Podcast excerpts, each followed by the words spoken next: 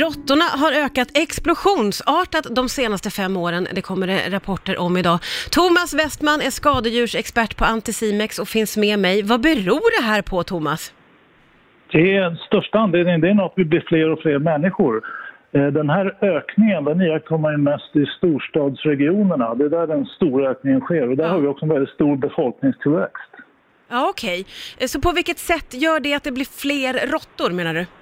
Jo, råttor fungerar ungefär som vi människor gör. De är beroende av att ha någonstans att bo, de är beroende av att hitta föda och de är beroende av att hitta vätska.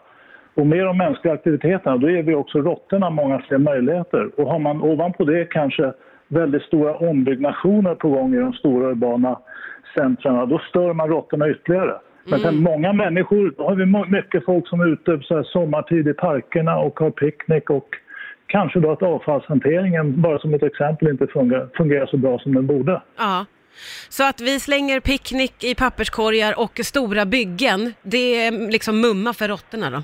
Det är exempel på vad som kan vara mumma för råttorna. Sen finns det ju många städer som är duktiga på att förändra hur till exempel papperskorgarna ser ut så att de är råttsäkrade. Ah. Och det, är- det är det sättet man ska jobba på om man vill eh, på något sätt bromsa eh, ökningen av råttor i städerna. Det är att se till att de inte har för många ställen att bo på, inte har för mycket mat och inte har för mycket vätska. Ja, Okej, och jag förstår ju det här med papperskorg, att man fixar sådana som är liksom råttsäkra och att vi kanske blir lite mer försiktiga med hur vi slänger mat och och sånt. Eh, men- men just byggarbetsplatser och sånt, hur, hur ska man liksom komma förbi problemet där? Nej, det är, det är nog svårt.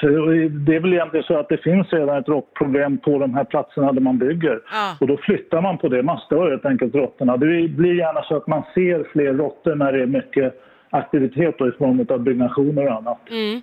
Hur jobbar storstäderna med att förebygga de här problemen, vet du det?